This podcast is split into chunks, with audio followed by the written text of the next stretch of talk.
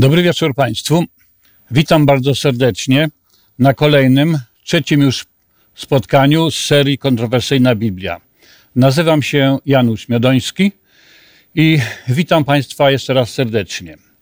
Y, co to jest kontrowersyjna Biblia? Czy są powody, dla których nie wierzycie Państwo do końca Biblii? Na przykład kontrowersyjne fragmenty. A może razi Was, że chrześcijanie tak różnią się w interpretacji niektórych trudnych fragmentów. Gdyby to była święta księga, to czyż nie sugerowałaby jednoznacznej interpretacji? Jeżeli takie pytania trapią Państwa, to trafiliście właściwie. Po to jest nasz program. Witam serdecznie naszych gości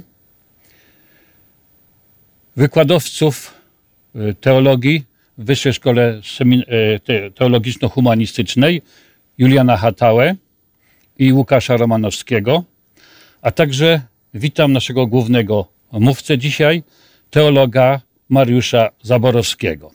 Witam również naszą widownię. Cieszymy się bardzo, że będziemy mogli wspólnie brać udział w tym programie. Dzisiejszy temat myślę, że jest bardzo frapujący. Czy Jezus dał Kościołowi moc przebaczania grzechów? Zapraszamy.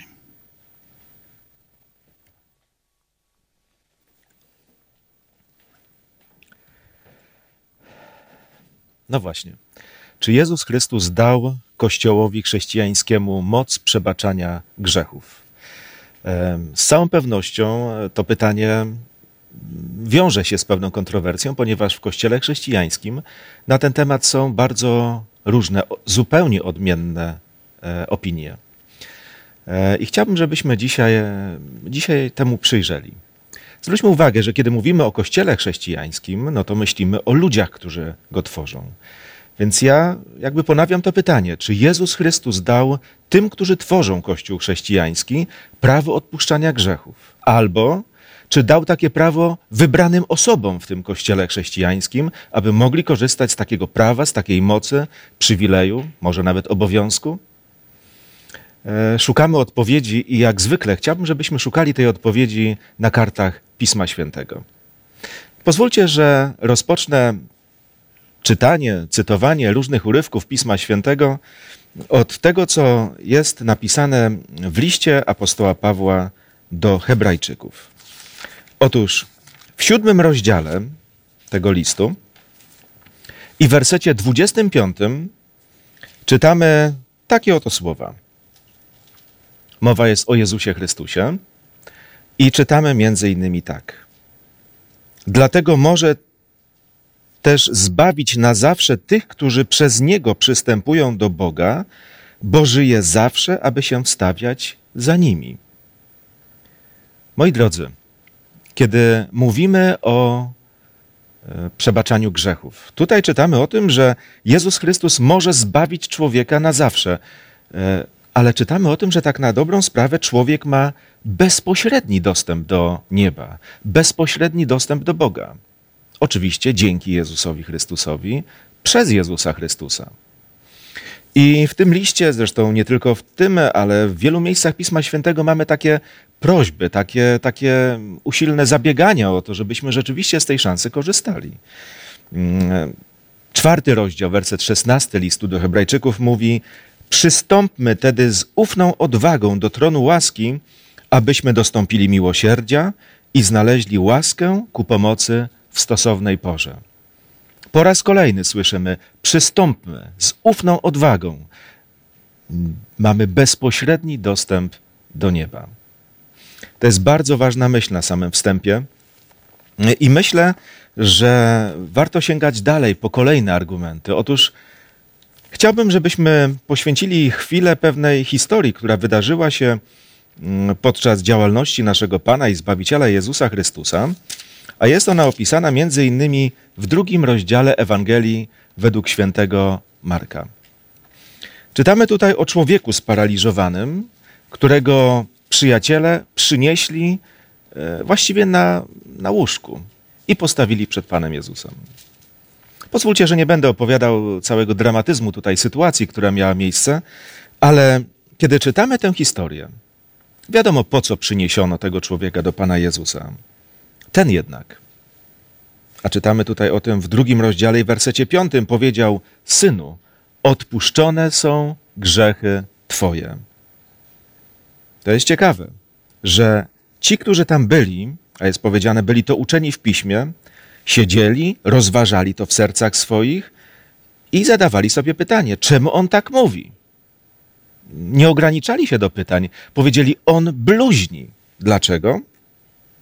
I wypowiadana jest tutaj taka sekwencja: Któż może grzechu odpuszczać oprócz jedynego Boga? Pytanie, czy oni mieli rację? No i tak, i nie. Z jednej strony mieli rację, ponieważ kiedy sięgamy do Słowa Bożego, do Pisma Świętego, to mamy wyraźne informacje o tym, że rzeczywiście tylko Bóg może przebaczać nam grzechy. I pozwólcie, że sięgnę do księgi Izajasza, gdzie w 43 rozdziale i wersecie 25 jest powiedziane, tutaj Bóg wypowiada się w swoim imieniu i mówi: Ja, jedynie ja mogę przez wzgląd na siebie zmazać Twoje przestępstwa i Twoich grzechów nie wspomnę. A więc to była prawda. Tylko Bóg może odpuszczać grzechy. E, w czym się mylili ci ludzie? Otóż mylili się w tym, że widzieli w Jezusie Chrystusie tylko człowieka. Pismo Święte przedstawia go jako kogoś zupełnie innego. Apostoł Paweł mówi, że to był ten, który był kiedyś w postaci Bożej, ale nie upierał się zachłannie przy tym, aby być równym Bogu i przyjął postać człowieka. Stał się sługą i stał się człowiekiem. Ale Pan Jezus, kiedy czytamy tę historię z Ewangelii Marka, mówi w końcu, abyście wiedzieli, że Syn Człowieczy na ziemi ma moc odpuszczać grzechy, mówię ci, weź swoje łoże i chodź. I ten człowiek tak zrobił. Jezus Chrystus ma prawo odpuszczać grzechy. To jest ważne. Mamy bezpośredni dostęp do nieba, do Boga i to jest też bardzo ważna prawda. Natomiast co możemy powiedzieć? Że żaden człowiek nie może być sędzią dusz ludzkich, nie może występować w takiej roli. Co więcej, kiedy czytamy Pismo Święte od pierwszej księgi aż po ostatnią księgę Pisma Świętego, to wyraźnie widzimy, że nie ma takich przypadków, w których człowiek zwracałby się do drugiego człowieka, wyznając mu swoje winy, swoje grzechy, po to, ażeby pojednać się z Bogiem. Takiej opcji nie ma. Owszem, ludzie wyznają sobie swoje winy, ale to tylko wtedy, kiedy coś mają, no, zawinią sobie. Ktoś kogoś obrazi, ktoś kogoś okradnie.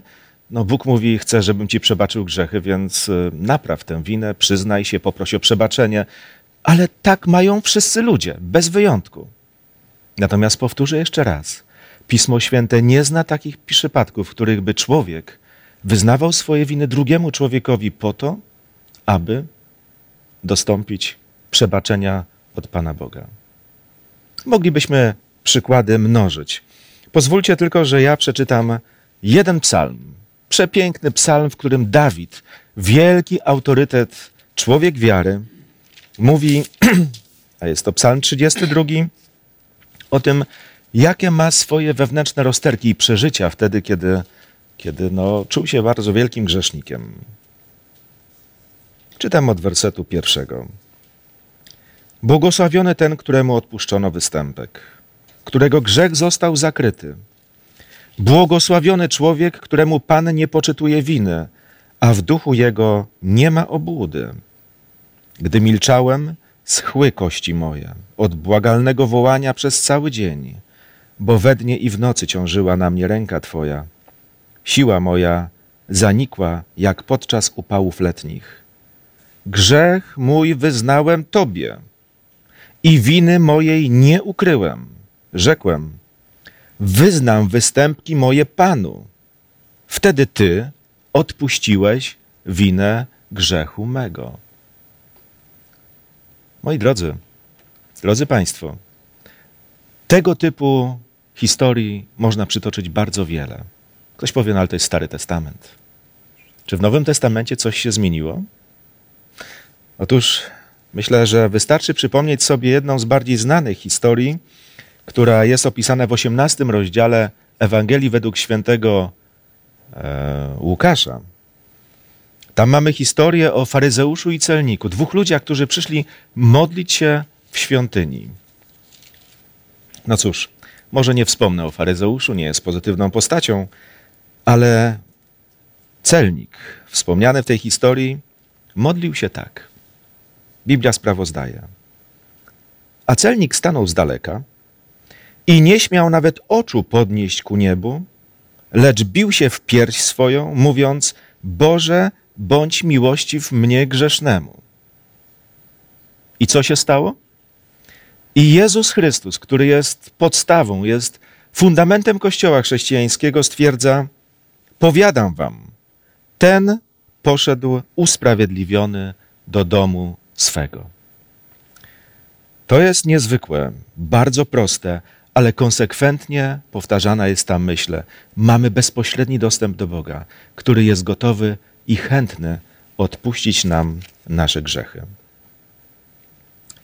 Kiedy czytamy Nowy Testament, cały Nowy Testament, nigdzie nie znajdziemy ludzi, którzy się naprawdę nawrócili, a którzy prosili o przebaczenie na przykład apostołów. Nie ma takiej historii. Liczyła się zawsze spowiedź serca. Natomiast chciałbym, żebyśmy spojrzeli na pewien ciekawy urywek Pisma Świętego, ten, który rzeczywiście może sugerować coś zupełnie innego. Jest wykorzystywany zapewne przez tych, którzy uznają spowiedź uszną, tak to nazwiemy, a jest to historia, są to nauki Pana Jezusa z Ewangelii według świętego Jana. Będzie to 20 rozdział, od wiersza 21 do wiersza 23. Co mówi Pan Jezus? Dzieje się to już po zmartwychwstaniu. I znowu rzekł do nich Jezus: Pokój wam. Jak ojciec mnie posłał, tak ja was posyłam. A to rzekłszy, tchnął na nich i powiedział im: Weźmijcie ducha świętego. I tutaj mamy kluczowe słowa. Którymkolwiek grzechy odpuścicie, są im odpuszczone, a którym zatrzymacie, są im zatrzymane. Wszystko jest proste. Wszystko wydaje się oczywiste. Ale moi drodzy, kiedy czytamy Pismo Święte, dobrze jest kierować się pewnymi zasadami. Kiedy patrzymy na jakiś urywek Pisma Świętego, to patrzymy na całokształt. O co tak naprawdę w tym chodzi? Patrzymy na kontekst, co tak naprawdę Jezus Chrystus powiedział w tym miejscu, w innych miejscach na ten temat. E, myślę, że warto też spojrzeć na to, co my nazywamy e, taką reakcją ludzi, którzy to słyszeli. Reakcją pierwszego kościoła i praktyką pierwszego kościoła. Warto się temu przyjrzeć. Może w kilku takich e, myślach chciałbym coś wyrazić. Zakładajmy, że apostołowie otrzymali od Pana Jezusa moc przebaczania grzechów. Więc wyobrażamy sobie, że z pewnością korzystaliby z tych uprawnień, bo okazji ku temu nie brakowało. Natomiast, jak powiedziałem, kiedy spoglądamy na praktykę, a więc patrzymy na to, co się rzeczywiście działo wtedy w Kościele chrześcijańskim, to widzimy, jak to wyglądało naprawdę. Sięgam do dziejów apostolskich. W ósmym rozdziale jest tutaj opisanych wiele wydarzeń wspaniałych, jak to Ewangelia rozprzestrzenia się, szczególnie wtedy, kiedy dotarła do Samarii.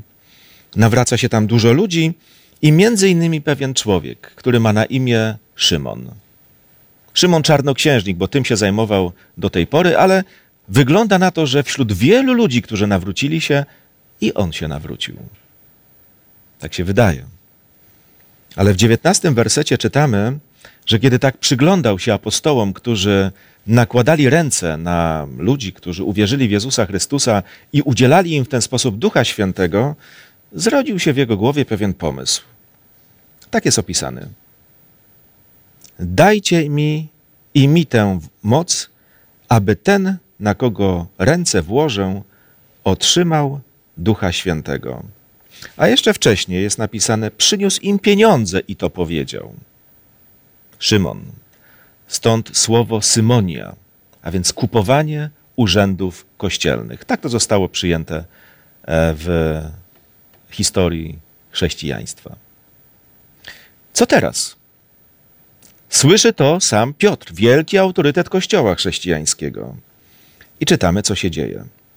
A Piotr rzekł do niego: Niech zginą wraz z tobą pieniądze twoje, żeś mniemał, iż za pieniądze można nabyć dar Boży. Co się tyczy tej sprawy, to nie masz w niej cząstki ani udziału, gdyż serce twoje nie jest szczere wobec Boga. Przeto odwróć się od swojej nieprawości i proś Pana, czy nie mógłby ci być odpuszczony zamysł serca Twego. Widzę bowiem, żeś pogrążony w gorzkiej żółci i w więzach nieprawości. Co zrobił, a czego nie zrobił apostoł Paweł? Otóż nie czytamy, żeby skorzystał z wielkiego przywileju prawa, władzy i powiedział: Szymonie, przyjdź, wyspowiadaj się, a ja albo udzielę, bądź nie udzielę ci rozgrzeszenia. Nie ma czegoś takiego. Czytamy, że apostoł Piotr udziela mu pewnego napomnienia, pewnych rzeczy się po prostu nie godzi robić i koniec. Ale pokazał mu też drogę do tego, żeby mógł mieć odpuszczony grzech i zwrócił jego uwagę na Boga. Mówi: proś Boga, może, może ci odpuści. To jest bardzo ważne.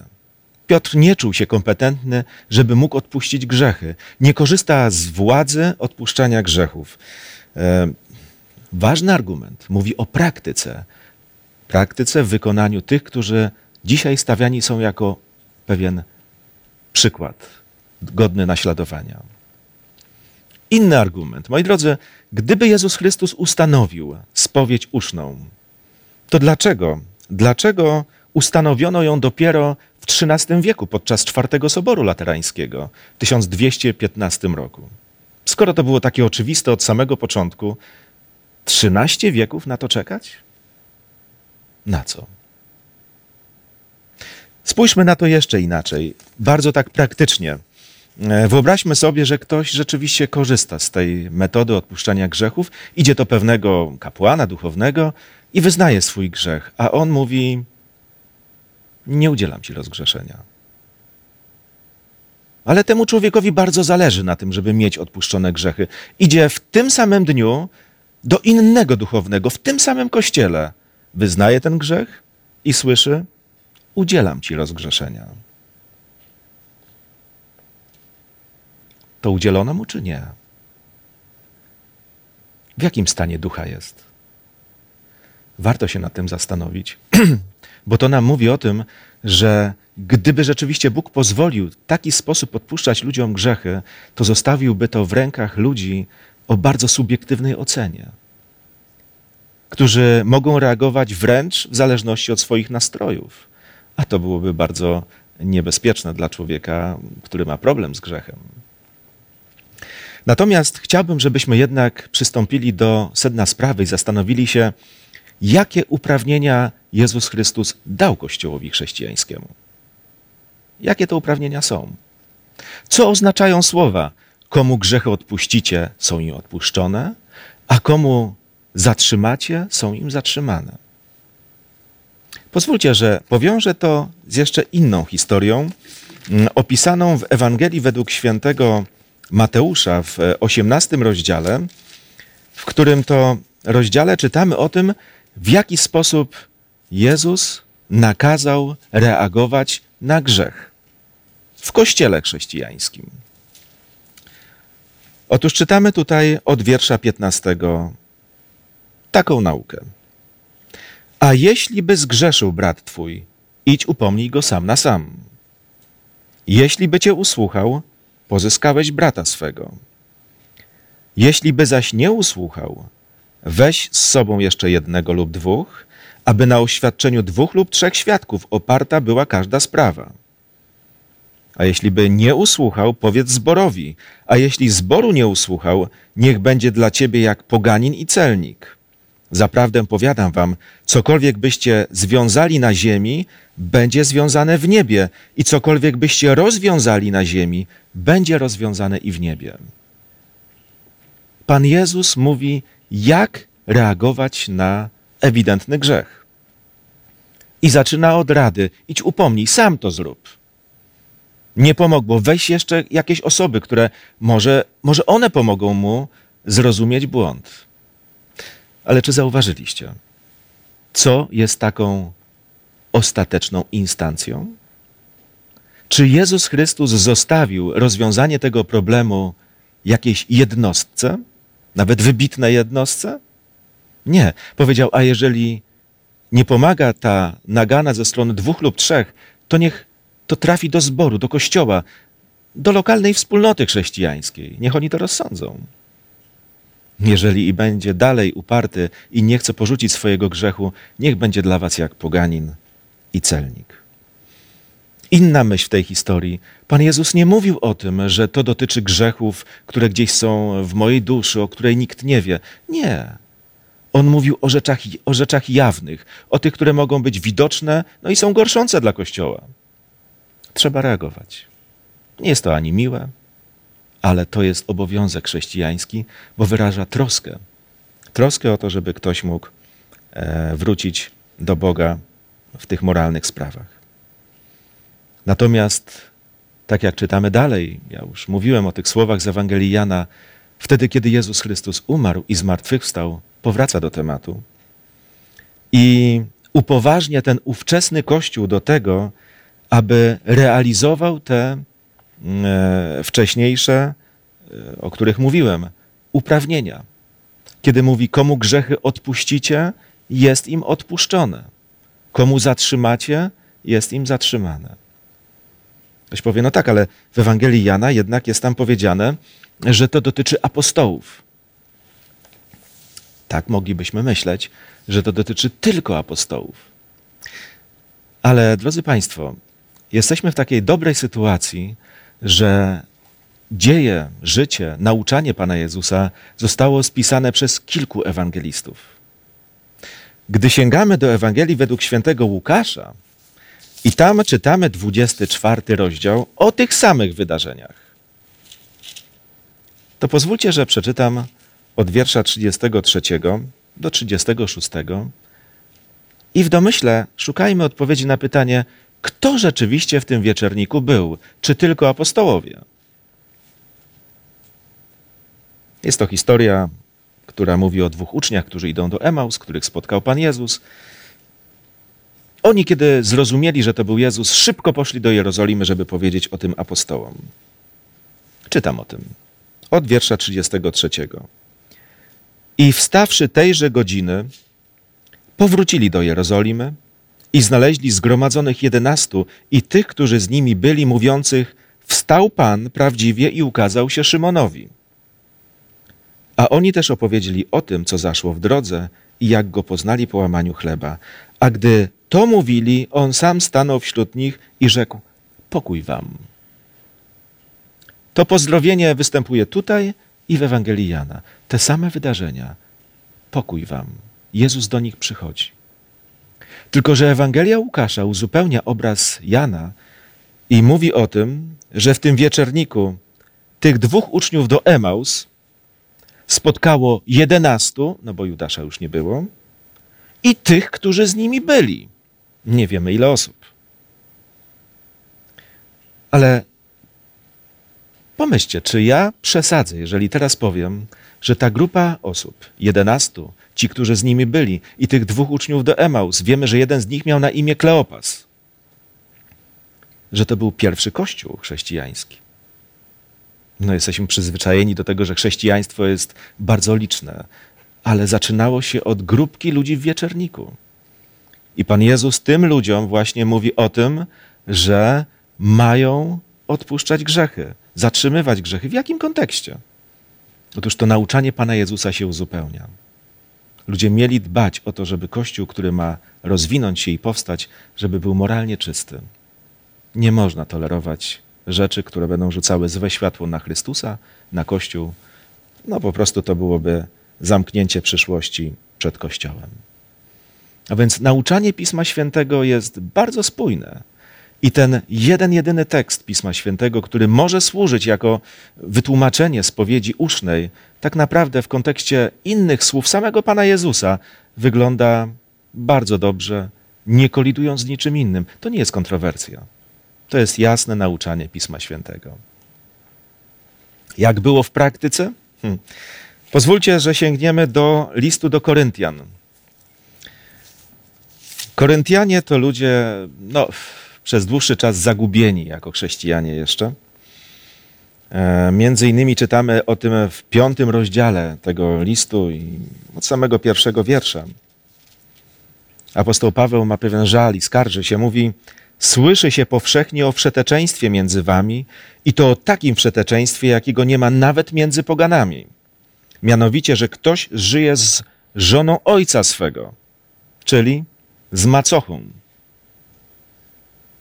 Straszna rzecz, niedopuszczalna, niemoralna. Ale apostoł Paweł patrzy na zachowanie tego kościoła i mówi, werset drugi i dalsze, a wy, wyście wzbili się w pychę, zamiast się raczej zasmucić i wykluczyć spośród siebie tego, kto takiego uczynku się dopuścił. Lecz ja, choć nieobecny ciałem, ale obecny duchem, już osądziłem tego, który to uczynił, tak jakby był obecny, jakbym był obecny. I czytam. Gdy się zgromadzicie w imieniu Pana naszego Jezusa Chrystusa, wy i duch mój z mocą Pana naszego Jezusa oddajcie takiego szatanowi na zatrecenie ciała, aby był zbawiony, aby duch był zbawiony w dzień pański. Mocne słowa. Oddajcie go na zatracenie szatanowi. Czy widzicie tutaj, żeby apostoł Paweł powiedział: Macie duchownego, niech mu przebaczy grzech, udzieli rozgrzeszenia, nie udzieli rozgrzeszenia. Zwraca się do kościoła, mówi: zróbcie coś z tym, reagujcie na zło, bo dalej nie będziecie mieli żadnej przyszłości. Ten człowiek ma iść. Może żyć jak chce, bo przecież wszyscy ludzie są wolni, ale nie pod szyldem chrześcijaństwa. Drugi list do Koryntian, w drugim rozdziale, mówi o tym, że jest droga powrotu. Czasami też nie zawsze dobrze rozumiana przez Kościół chrześcijański. Czytam od wiersza piątego. Jeśli tedy ktoś zasmucił, to nie mnie zasmucił, lecz poniekąd, by nie powiedzieć za wiele was wszystkich. Takiemu wystarczy ta kara, jaka została nałożona przez większość. Także przeciwnie, wy raczej powinniście przebaczyć mu i oddać otuchy, aby go przypadkiem nadmiar smutku nie pochłonął. Dlatego proszę was, abyście postanowili okazać mu miłość. A więc jest czas nagany, jest czas powrotu, ale ciągle słyszymy jeden i ten sam zwrot. Wy zróbcie coś. Zareagujcie, kiedy jest źle, ale też przyjmijcie go, kiedy jest czas powrotu, bo, no bo przeżył nawrócenie, po prostu zrozumiał, na czym polega jego błąd. Tego typu historie znajdujemy w Piśmie Świętym.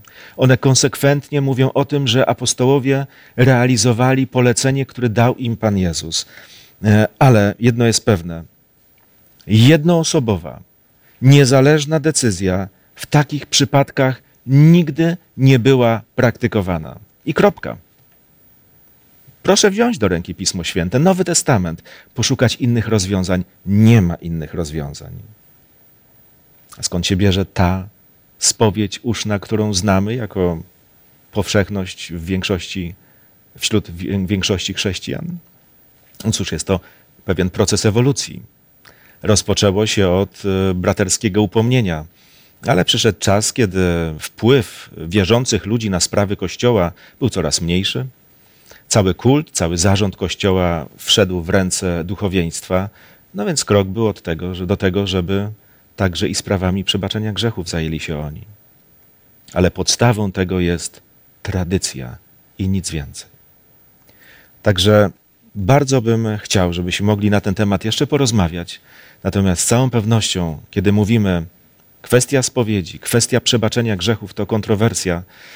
E, niestety tak jest, ale nie wtedy, kiedy bierze się do ręki Słowo Boże i swoje przekonanie opiera się tylko na nim.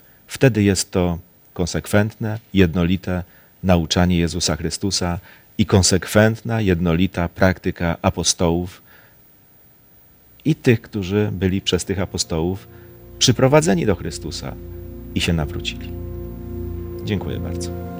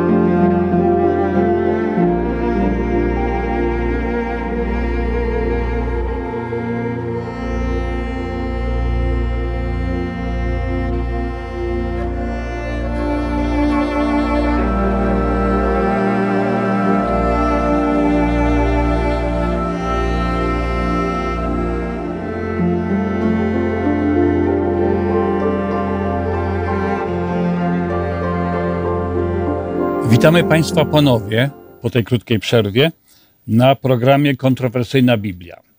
Jak już wspominaliśmy, jest to wykład, w którym możecie Państwo również brać udział, zadając pytania na czacie, na który serdecznie Państwa zapraszamy.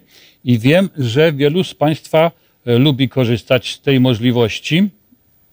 Dlatego e, chciałbym ustosunkować do niektórych z tych pytań, które zostały zadane nam już w trakcie wykładu. Powiem szczerze, że te pytania były w większości pytaniami zadawanymi dosyć szybko i które w trakcie, w trakcie wykładu były y, wytłumaczone, były poruszone i zasadniczo e, pastor na to wszystko bardzo szczegółowo odpowiedział.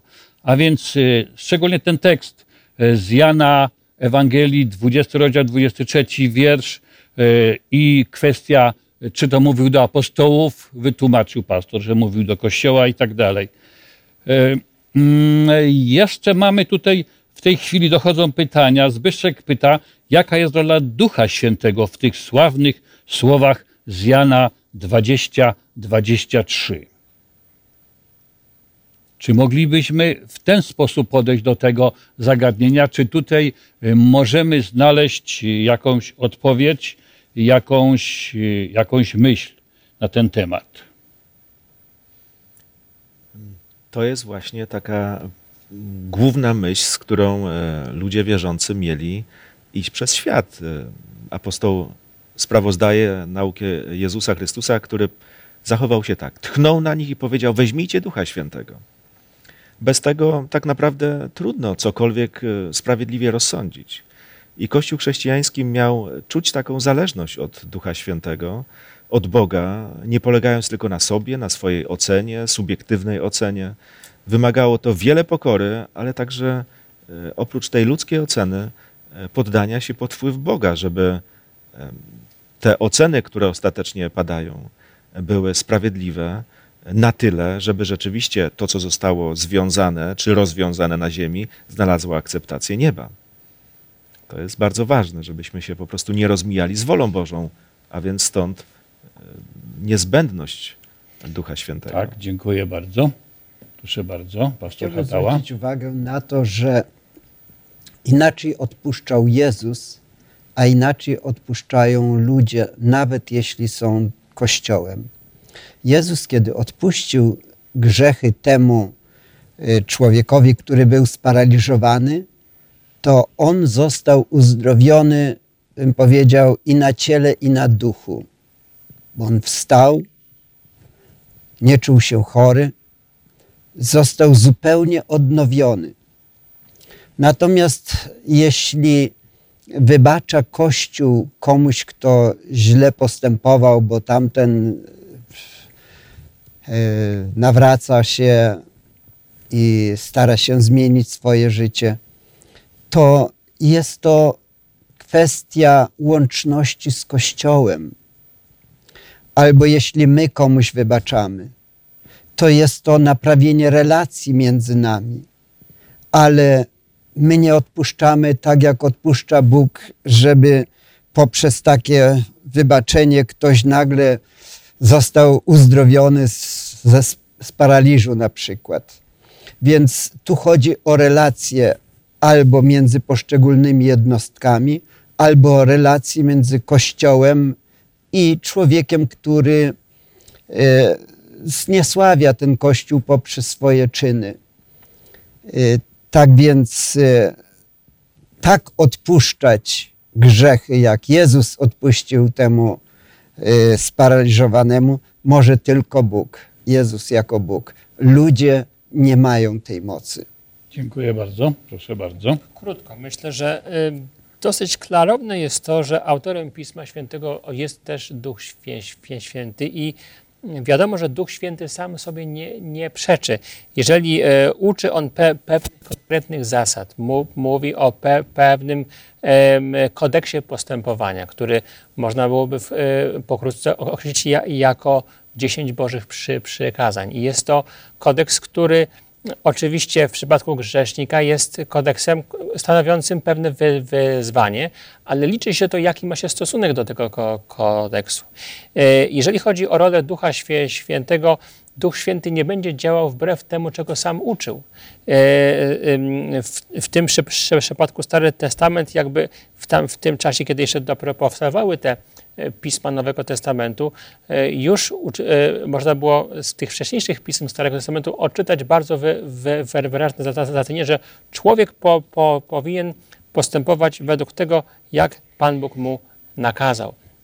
I wspólnota, która ma głosić, kim jest Bóg, jest jakby w tym miejscu, no, ma szczególne po, po, powołanie i szczególną odpowiedzialność. A więc to, to jest bardzo istotne, że Duch Święty dał takie prawo, aby uszanować e, tę świętość, którą po, powierzył w, rę, w, ręce pewnej niewielkiej grup, grup, grupki ludzi, chrześcijan, którzy mieli głosić Jezusa nie tylko tym, co mówili, ale też tym, jak żyli. A więc to, jak postępowali, było bardzo istotne. Tak, dziękuję bardzo. E, w, tych, e, w tej kwestii odpuszczania grzechów myślę, że oprócz tematu albo stanowiska, że Kościół ma moc odpuszczania grzechów, istnieje jeszcze pewien inny kierunek, który chciałbym, żebyśmy dzisiaj poruszyli. Czy Jakieś są może szczególne osoby, które mogą w tym zadaniu w jakiś sposób mieć udział. Czy odpuszczać, albo pośredniczyć w odpuszczaniu grzechów. Bo wiemy, że w Kościele Powszechnym jest bardzo wiele takich osób, które podobno wstawiają się za naszymi grzechami. Y, być może, że to, to zagadnienie chciałbym, żeby nam nasi goście omówili w kontekście e, tekstu z Mateusza z piątego rozdziału, gdzie Jezus mówi, y, w jaki sposób my mamy odpuszczać naszym bliźnim. Ile razy mamy odpuszczać, w jaki sposób to odpuszczanie ma, wy, ma wyglądać. Czy to nie jest z tym powiązane? Może zacznę od początku i od innych jeszcze słów, które znajdujemy w Piśmie Świętym, bo e, padło słowo pewnego pośredniczenia. E, duchowny, który odpuszcza grzechy, traktowany jest jako pośrednik między grzesznikiem a Bogiem. E, jest też wielu innych pośredników, którzy mogą wyjednać mi łaski. Ale Pismo Święte mówi coś takiego. Albowiem jest jeden Bóg, jeden też pośrednik między Bogiem a ludźmi, człowiek, Chrystus, Jezus. Jest to pierwszy list apostoła Pawła do Tymoteusza, drugi rozdział, werset piąty. Jeden Bóg i jeden pośrednik i koniec. Dlatego mówiliśmy o tym, że Jezus Chrystus ma moc odpuszczać grzechy i tylko Jezus Chrystus. W dziejach apostolskich czytamy, nie ma innego, in, innego imienia pod niebem danego ludziom, przez które moglibyśmy być zbawieni. Jezus Chrystus, tylko On. E, natomiast kiedy mówimy o tej drugiej części pytania, dotyczyło ono ilości? Albo sposobu odpuszczania przez nas grzechów. No. Czy to może być przeniesione na Kościół, czy to dotyczy nas indywidualnie? Do 77 razy. Prawda? No cóż, e, Chrystus chce nas nauczyć miłosierdzia i rzeczywiście takiej pokory, żebyśmy nie żyli jako ci, którzy mają ciągle w sercu jakąś zadrę, pamięć rzeczy złych, tylko po prostu mają przebaczać. I właściwie nikt nie będzie liczył do 70, do 77. To chyba nie o to chodziło. Natomiast z całą pewnością mamy być ludźmi gotowymi przebaczyć innym, skoro oczekujemy, żeby Jezus Chrystus nam przebaczył. Bo przecież o to też się modlimy, prawda? Mhm. Myślę, że te pytania i te wypowiedzi y, odpowiedziały panu Danielowi S., który y, pyta, skoro tylko Bóg może przebaczyć nasze grzechy, to na jakiej podstawie czynią to ludzie w Kościele powszechnym? Myślę, że odpowiedź jest krótka, bezpodstawnie. Proszę bardzo. Tak, jeszcze odnośnie może pytania dotyczącego pośrednictwa.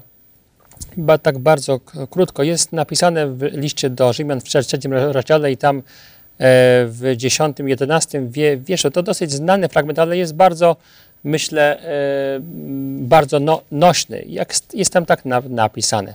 Nie ma ani jednego sprawiedliwego. A więc spra spra sprawiedliwy to jest ten, który może być e, nie tylko przed Bogiem sprawiedliwy, ale też może, może stać się jako sędzia przed innymi. I dalej nie, ma, nie masz, kto by rozumiał, nie masz, kto by szukał bo, bo, bo, Boga.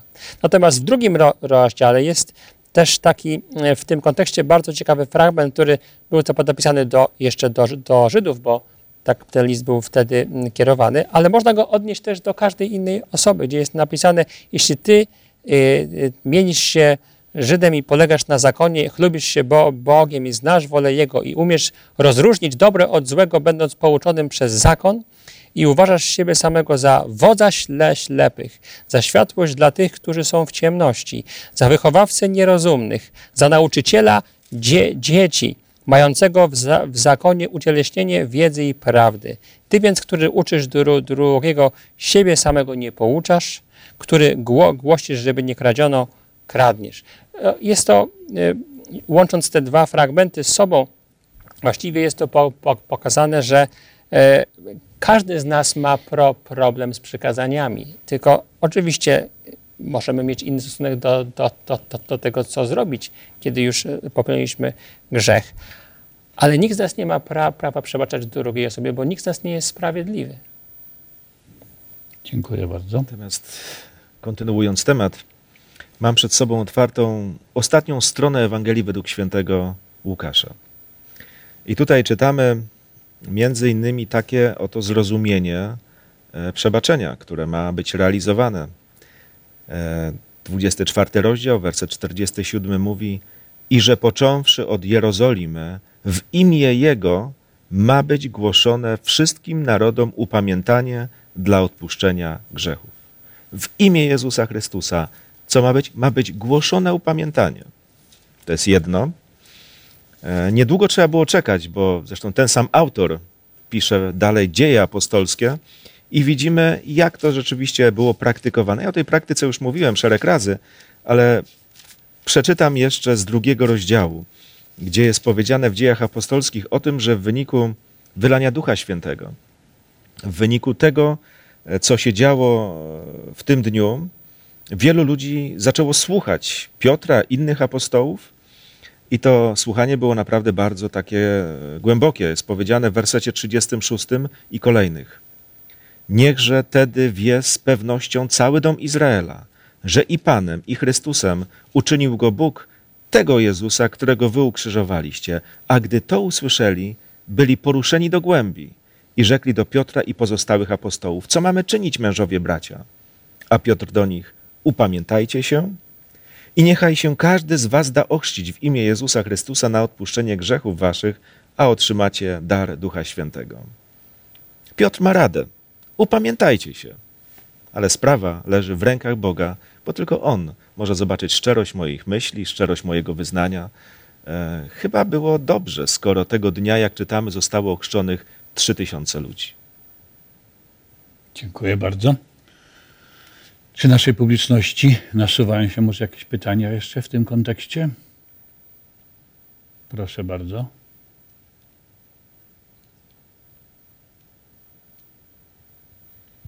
Wiemy, że warunkiem przebaczenia grzechów jest y, pojednanie się z drugą osobą. Mówi o tym Ewangelia Mateusza, 23 rozdział. Na przykład, jeśli byś składał dar swój na ołtarzu i tam wspomniałbyś, iż brat twój ma coś przeciwko tobie, idź pojednaj się najpierw ze swoim bratem. Ale co jeżeli ten brat y, nie chce przyjąć tego pojednania, nie chce się zgodzić na pojednanie? Czy wówczas można oczekiwać i prosić Pana Boga o odpuszczenie grzechu? Dziękuję bardzo. Mamy bardzo konkretne pytanie. Jak na nie odpowiemy? Proszę bardzo, pastor Hatała. To jest piąty rozdział Ewangelii Mateusza, 23 wiersz. Jeśli byś więc składał dar swój na ołtarzu i tam wspomniałbyś, iż brat twój ma coś przeciwko tobie, to zostaw ten dar swój na ołtarzu, odejdź i najpierw pojednaj się z bratem swoim, a potem przyszedłszy złóż dar swój. Kiedy składano y, ofiary i jeśli to były ofiary za grzech, popełnili jakiś grzech poważny, to później musieli przyprowadzić taką ofiarę, położyć rękę na głowie tej ofiary, załóżmy baranka, i ten, który grzeszył, musiał sam poderżnąć gardło tej ofierze, zabić ją, bym powiedział. I na tej zasadzie były mu wybaczone grzechy. Ale jest ciekawą rzeczą, że e, gdy grzesznicy tak składali te ofiary przez cały rok, to później przychodził dzień sądny. I w dniu sądnym był składa, czy był taki kozioł, na którego wkładano jeszcze grzechy całego ludu z całego roku. I on zabierał te grzechy i gdzieś tam był wyganiany na pustynię. A apostoł Paweł w liście do Hebrajczyków mówi, że tak naprawdę to krew kozłów i baranków i tak dalej nie może y, tak naprawdę oczyścić człowieka. No bo czy zwykła krew mogła w jakiś sposób oczyścić od przestępstwa, od grzechów? Nie. Faktycznie te ofiary wskazywały tylko na Jezusa, a Jezus umarł za nas jako prawdziwy baranek. I dlatego, jeśli nawet składano ofiary, to jednak wybaczał tylko Bóg. Jezus Chrystus może to uczynić, bo On za nas umarł. Natomiast to, o czym mówiliśmy, że między sobą, jeśli chcemy, żeby naprawić relacje, no to powinniśmy sobie wybaczać. I w modlitwie pańskiej Ojcze Nasz jest powiedziane: odpuść nam winy, jak i my odpuszczamy. Także my sobie powinniśmy odpuszczać wzajemnie, ale tym, który naprawdę usuwa grzechy i może nas zbawić, tak żeby nie było na nas ani skutków grzechu, ani niczego, jest tylko Bóg. I dlatego mamy tu wezwanie: idziesz składać ofiarę, dobrze, ale wypadałoby się pojednać najpierw ze swoim bliźnim, odpuścić mu grzechy, czy pojednać się. Jeśli ktoś nie zechce, to jest jego sprawa, ale ja powinienem to zrobić, przebaczyć Tak. mu. Dziękuję bardzo za tę szeroką odpowiedź. Jak widzimy, temat y, zatacza coraz szersze kręgi. I faktycznie moglibyśmy jeszcze wiele tematów poruszyć, które są z tym zbliżone, bo cała służba świątynna polegała na tym, że w świątyni było przebaczenie grzechów. To było miejsce, gdzie składano ofiary i gdzie grzechy były w jakiś sposób chociażby symbolicznie likwidowane. I na ten temat pewnie byśmy tu jeszcze mogli kilka wykładów spędzić.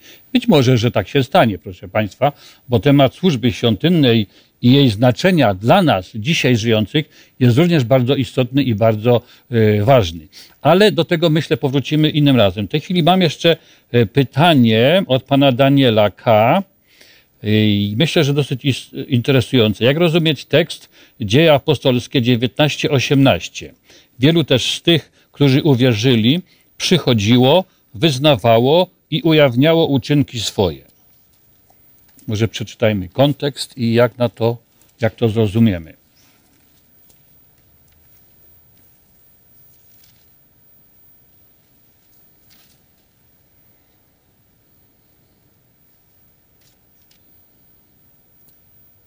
Tak, proszę bardzo. Krótko myślę, że, że też będą do powiedzenia mieli y, y, ko, ko, koledzy coś. Natomiast ja powiem tylko tyle, że naturalną rze- rzeczą jest, kiedy człowiek rzeczywiście prze, przeżywa prawdziwe nawrócenie. Y, Spotyka bo, bo, Boga, że chce wyznać swoje grze, grzechy. To są często ludzie, którzy jakąś funkcję w, swoim, w swojej społeczności pe- pełnili. Byli zna, znani z tego lub z tamtego. Tutaj pod, pod spodem jest napisane, że a nie mało z tych, którzy się oddawali czarnoksięstwu, znosiło księgi i paliło je wobec wszystkich. Oni przedtem byli zna, zna, znani z tego, że mieli pewną moc, a więc ich świadectwo, wy, wyrzeczenie się tego, co zro, zrobili jak, jak, jako złe, było bardzo potężnym znakiem, że było to rzeczywiście niedobre. Y, To są rze- rzeczy bardzo osobiste. Nikt z nas nie ma obowiązku oczywiście wyznawać grze- grzechów przed innymi.